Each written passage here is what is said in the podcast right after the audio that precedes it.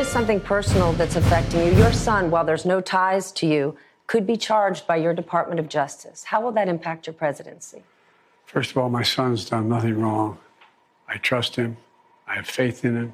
And it impacts my presidency by making me feel proud of him.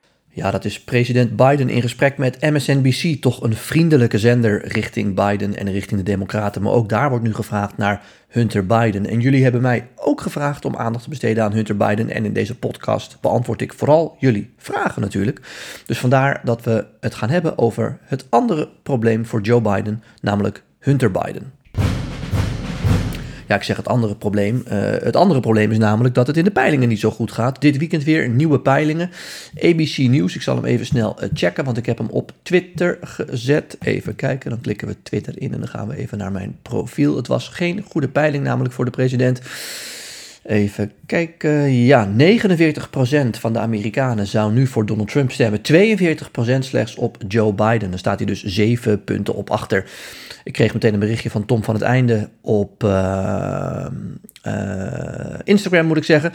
En die zei van, ja, die peiling stelt natuurlijk niet zoveel voor, hè, Raymond, nu in dit stadium. En ik zei tegen hem, nee, dat klopt helemaal niks, want er gaat nog veel veranderen. Alleen, het zegt wel iets over de politieke dynamiek. Namelijk het feit dat de huidige president ver achter staat, moet ik zeggen, tegen iemand waarvan heel veel andere mensen zeggen: ja, die kan toch nooit winnen, want die heeft onder andere 6 januari op zijn geweten. En de peilingen laten in ieder geval zien dat dat niet zo is. En er komt nog bij dat een van de redenen voor Joe Biden natuurlijk om te zeggen: ik ga door, ook al ben ik op leeftijd, ben ik 80 dat is omdat hij zegt: Ik ben de enige die Trump kan verslaan. Nou ja, en als dat nu uit verschillende peilingen zo blijkt dat het niet zo is, dan ja, groeit natuurlijk de concurrentie voor Biden. Dan groeit natuurlijk de weerstand voor Biden in zijn eigen partij, maar zeker ook bij kiezers in het midden. Ja, en dan ook nog even over jullie verzoek om meer aandacht te besteden aan Hunter eh, Biden. Ik krijg vaak berichten via Twitter, via Instagram. Uh, waar ik natuurlijk ook jullie vragen vandaan haal. En daar uh, wordt steeds door een aantal mensen geroepen: besteed aandacht aan Hunter uh, Biden. Ik heb dat eerder al gedaan in een podcast. Hè. Ik geloof al in, wat is het, maart, april van vorig jaar. Dus ik doe dat wel vaker. Of was het dit jaar? Ik weet niet eens meer. In ieder geval een tijd terug. Nee, het was vorig jaar. Vorig jaar zelfs alles. Al ruim een jaar geleden. Uh, waarin ik uitgelegd heb wat er precies speelt rond Hunter uh, Biden. Um, um, en ik moet ook eerlijk zeggen dat. Um, kijk, ik denk altijd als heel veel mensen boos zijn omdat ik bijvoorbeeld Biden te veel zou ophemelen. En als tegelijkertijd mensen boos zijn dat ik Trump te veel ophemel, dan is dat een prima combinatie. Want ik heb oprecht geen voorkeur. Ik probeer beide uh, kanten van de Amerikaanse politiek kritisch aan te pakken. Dus als daar kritiek op komt vanuit de ene of de andere hoek, vind ik alleen maar dat ik goed bezig ben. En ik vind dus ook dat als iedereen mij steeds maar bestookt met vragen over ga aandacht besteden aan Hunter Biden, interesseert me dat eigenlijk helemaal niks. ik wil daar best vragen over beantwoorden, doe ik vaker. Maar een podcast eraan wijden, aan wijden, ja, dat doe ik alleen als ik denk dat het relevant is. En dan kan, kan nog iedereen zeggen, je moet dat doen. Uh, ik doe dat als ik denk dat het relevant is. Uh, en dat is nu het geval omdat er nieuws over is. En dat is namelijk dat de FBI ehm, volgens bronnen eh, in de FBI in het eindstadium zit van diens onderzoek naar Hunter Biden.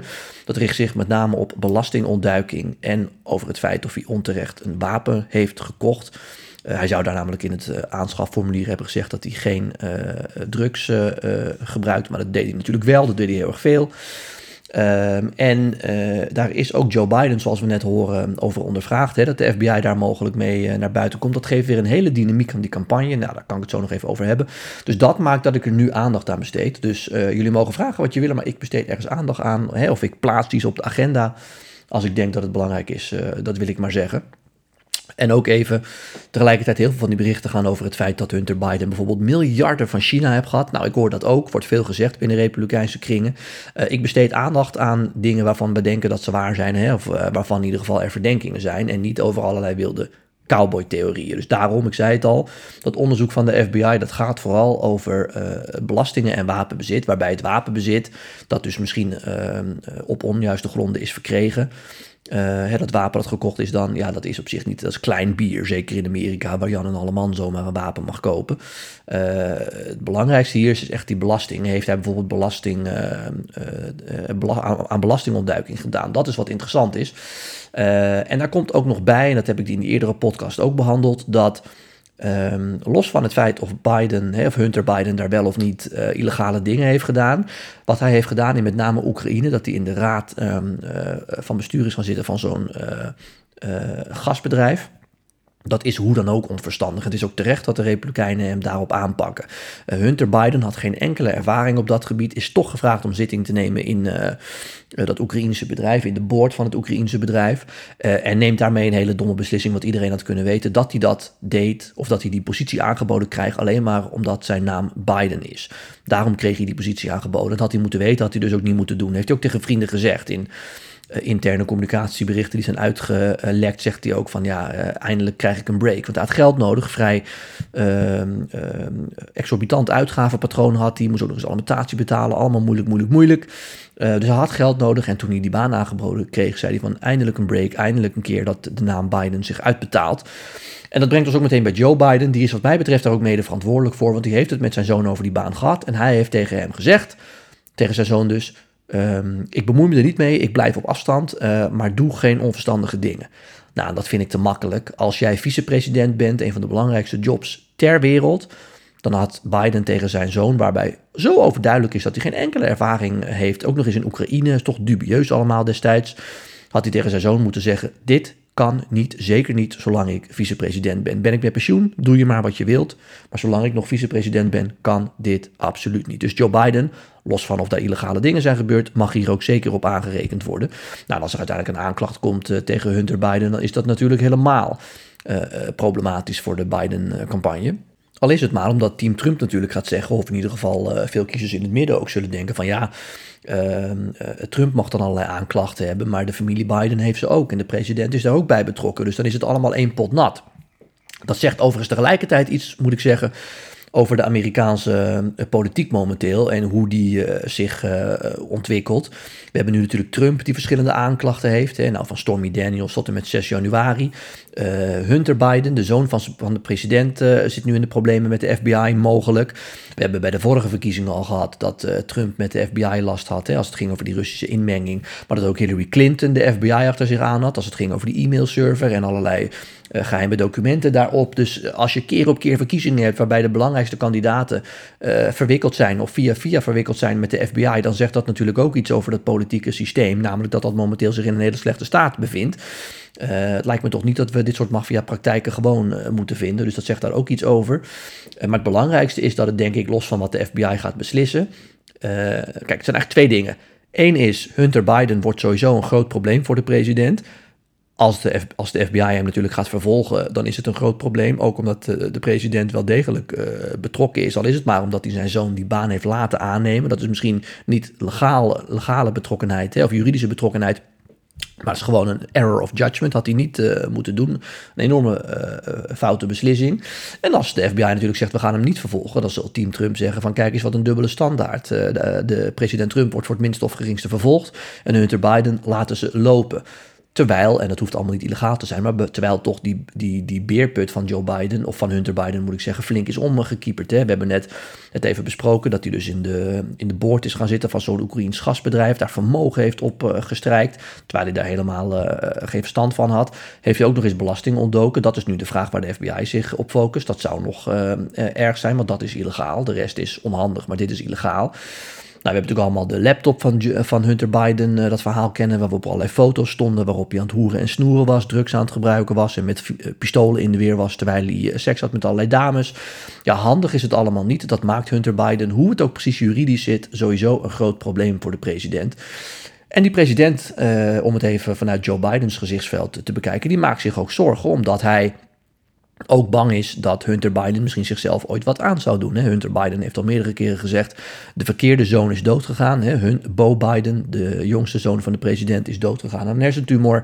Uh, Hunter Biden heeft een paar keer gezegd: ik zou dood moeten, uh, ik had dood moeten gaan en niet hij. Dus hij kruipt heel erg in die slachtofferrol. Ja, als vader is dat natuurlijk moeilijk om daarmee om te gaan. Terwijl tegelijkertijd het politieke team van Joe Biden zegt: we moeten een war room optuigen. Hè? We moeten klaar zijn als de FBI met die aanklacht komt. Dat we kaart in de tegenaanval gaan en dat we onze hele PR-machine opzetten. En Joe Biden is daar nog een beetje schuchtig over. Zegt alleen wat hij in het fragment uh, zei, wat ik net deelde. Namelijk: ik hou van mijn zoon. Die heeft een probleem gehad. Die heeft heel veel problemen gehad. Heeft soms ook nog terugvallen. Maar ik blijf hem steunen. Zoals heel veel ouders dat in Amerika doen. Dus dan zie je toch een beetje die tweestrijd in het Witte Huis. Van dit is gewoon een politiek probleem. En dat moeten we politiek aanvliegen. En Joe Biden die zegt. Uh, ja, maar er is ook een familiair probleem. Uh, ik ben ook gewoon vader en grootvader. Pater familias ben ik. En die rol pak ik ook. Goed, tot zover even een update over Hunter Biden. Vast veel meer in het kader van iedereen die vraagt: besteedt er nou aandacht aan? Vast veel meer daarover als ook echt de FBI met een aanklacht komt. Goed, tot zover. Dan eh, naar jullie vragen die jullie hebben ingestuurd via Instagram, Twitter en LinkedIn. Ja, dan een vraag van Jeroen. Jeroen vraagt Raymond, hoe zit het nu met de campagne van Ron DeSantis? Wanneer gaat die komen? Ja, uh, Jeroen, uh, uh, de campagne van Ron DeSantis komt maar lastig van de grond. heeft heel veel problemen nu. In de peilingen daalt hij weer. En er is heel veel kritiek op hoe hij nu campagne voert. Ook omdat hij onlangs weer in, de, in die, die ellenlange ruzie met Disney heeft. Ehm, maar goed, dat hebben we allemaal besproken in eerdere podcast. volgens mij is de kern dat Ron DeSantis gewoon zijn team aan het organiseren is en dat hij heel veel geld aan het ophalen is en dat hij zo lang mogelijk wacht met een officiële bekendmaking, want dan pas opent Trump echt de aanval op hem en dan zal hij ook Trump terug moeten aanvallen. Uh, en dat wil hij het liefst zo lang mogelijk uitstellen. En wat dat betreft, hè, als ik uh, het positief zou moeten benaderen vanuit Ron DeSantis, dan kun je dus zeggen van ja, oké, die peilingen gaan slecht en uh, er is veel kritiek op hem, maar hij is nog niet officieel kandidaat. Dus je kan beter uh, nu uh, veel kritiek krijgen en slecht scoren en dan een goede campagne starten, dan dat je te vroeg piekt. Dat schiet ook niet op. Dan Lianne, die vraagt: Hey Raymond, uh, hoe staat het met de campagne van Kennedy Jr.? ja, die Kennedy-telg, die heeft zijn eigen campagne gestart om Joe Biden uit te dagen. Ik moet eerlijk zeggen, die scoort hoger dan ik had verwacht. de meeste peilingen geven hem rond de 10, misschien 15 procent. Dat vind ik al heel wat. Stelt verder niet veel voor. Ik heb eerder gezegd dat eh, Kennedy een beetje de, het zwarte schaap uit die hele Kennedy-familie is. Daar nemen ze hem niet echt serieus. Uh, de meeste democraten doen dat ook niet. Maar goed, het feit dat hij toch rond de 10% scoort, dat geeft aan dat er toch behoefte is aan een andere kandidaat. En dat wijzen de peilingen ook wel een beetje uit. 70% van de democraten vindt eigenlijk dat Joe Biden ermee moet stoppen en dat iemand anders het over moet nemen. Niet Kennedy, maar een andere kandidaat. Ehm, en ehm, dat uh, wordt natuurlijk gesterkt door die peiling die ik in het begin noemde, dat Trump gewoon in meerdere peilingen, ik noemde nu even ABC News, maar in meerdere peilingen voorstaat op Joe Biden. Uh, en dat haalt het fundament weg van Bidens campagne, namelijk kies mij nou maar, ik weet dat ik op leeftijd ben, maar ik ben de enige die Trump kan verslaan. Dus dat is uh, problematisch in meerdere opzichten. En dan moet de mogelijke aanklacht tegen Hunter Biden nog komen. Goed, dan een vraag van Mark. Mark uh, vraagt wanneer de eerste presidentsdebatten zijn. Ja, dan heb je het neem ik aan over de Republikeinse presidentsdebatten, Mark. Hè, want de echte presidentsdebatten die komen natuurlijk pas volgend jaar mm, oktober. Uh, ja, die zijn als goed is in augustus. Maar er is gedoe over wat Trump heeft gezegd niet mee te willen doen. Uh, en zonder Trump stelt het natuurlijk niet veel voor. Nou heeft Trump daar vaker mee gedreigd. In 2016 heeft hij ook een keertje niet meegedaan omdat hij boos was op Fox.